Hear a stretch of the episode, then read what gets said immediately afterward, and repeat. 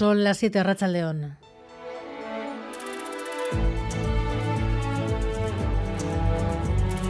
Gambara con Arancha García.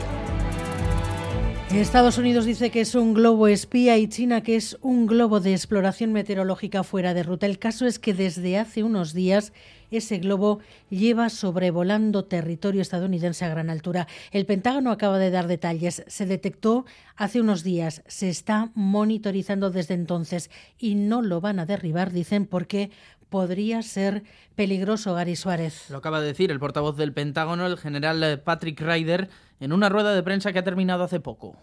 Considering the, the size of the payload on this, uh, looking at the potential for debris uh, and the impact on civilians on the ground or property damage.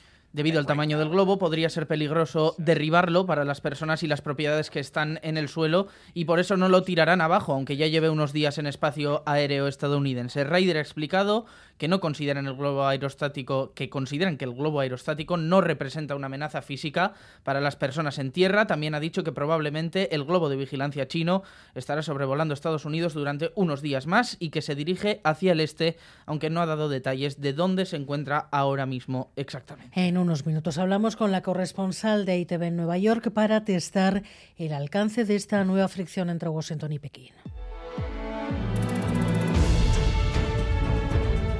El Endacari cierra sus diferencias con Moncloa por la gestión de los fondos europeos. Crítico que no se dejaba participar ni en el diseño ni en la gestión. Hoy Iñigo Urcullo y Nadia Calviño se han reunido en Ajurianea y el encuentro se ha cerrado con media decena de compromisos que, según la CUA, ponen el asunto en la buena dirección. Y Manuel Manterola.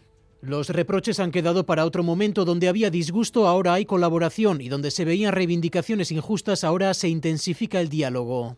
La reunión ha sido absolutamente satisfactoria. El compromiso de aprovechar todas las capacidades y el talento que tiene el País Vasco. Hoy Lendakari y ministra han salido con un acuerdo entre manos. Entre otros puntos, el Ejecutivo vasco tendrá la capacidad de decidir los proyectos a financiar en la segunda parte de los fondos europeos. Y hoy también el primer pleno de control. Desde diciembre la oposición ha buscado el posicionamiento de Lendakari sobre la sentencia del caso de Miguel.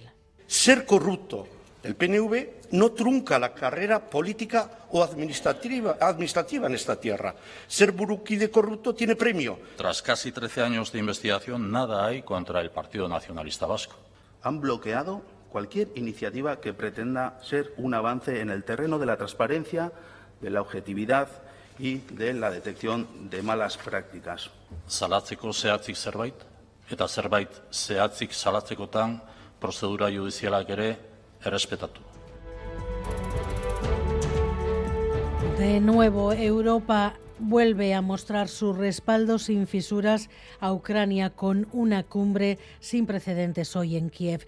A casi a punto de cumplirse un año de la adhesión, von der Leyen y Michel han recordado que la integración, sin embargo, en la Unión tiene sus ritmos y sus normas y aunque apoyan sin duda al país invadido por Rusia, no se va a saltar ninguna pantalla. Bruselas, Amaya, Portugal. Las sirenas han sonado en Kiev dos veces durante el tiempo que ha durado esta cumbre entre la Unión Europea y Ucrania, histórica por celebrarse en zona de guerra. Lo ha destacado la presidenta de la Comisión, Ursula von der Leyen. Han tenido que ponerse a refugio, lo que les ha servido para ponerse en la piel de los ucranianos de a pie.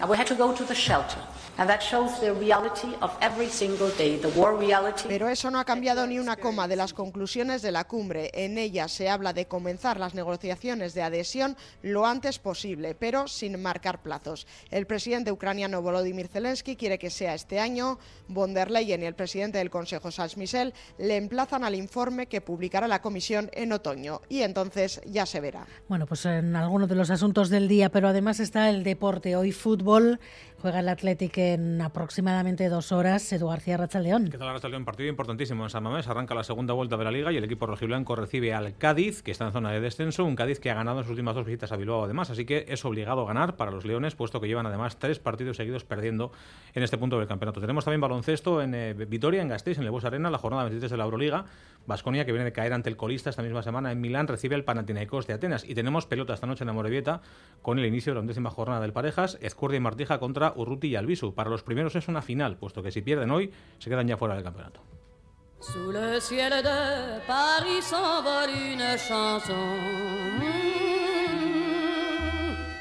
Elle est née d'aujourd'hui dans le cœur d'un garçon. Llevó el metal a los vestidos, firmó el perfume más vendido del mundo, nació en Pasaya. Paco Rabán ha muerto hoy a los 88 años. David Beramendi.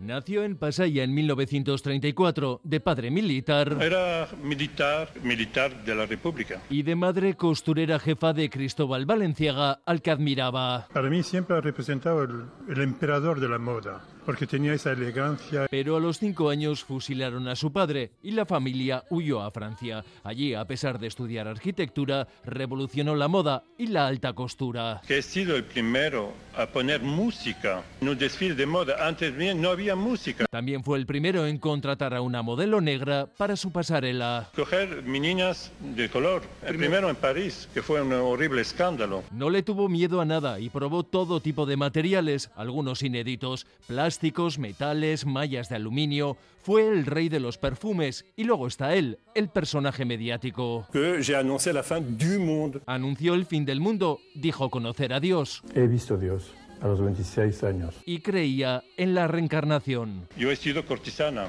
en el siglo XVII. En 1999 dejó la alta costura y fue poco a poco retirándose. Ha muerto a los 88 años en la Bretaña francesa. Ahora todos le elogian como el arquitecto innovador de la moda. Miguel Ortiz y Alberto Zubeldia están en la dirección técnica, Cristina Vázquez en la producción.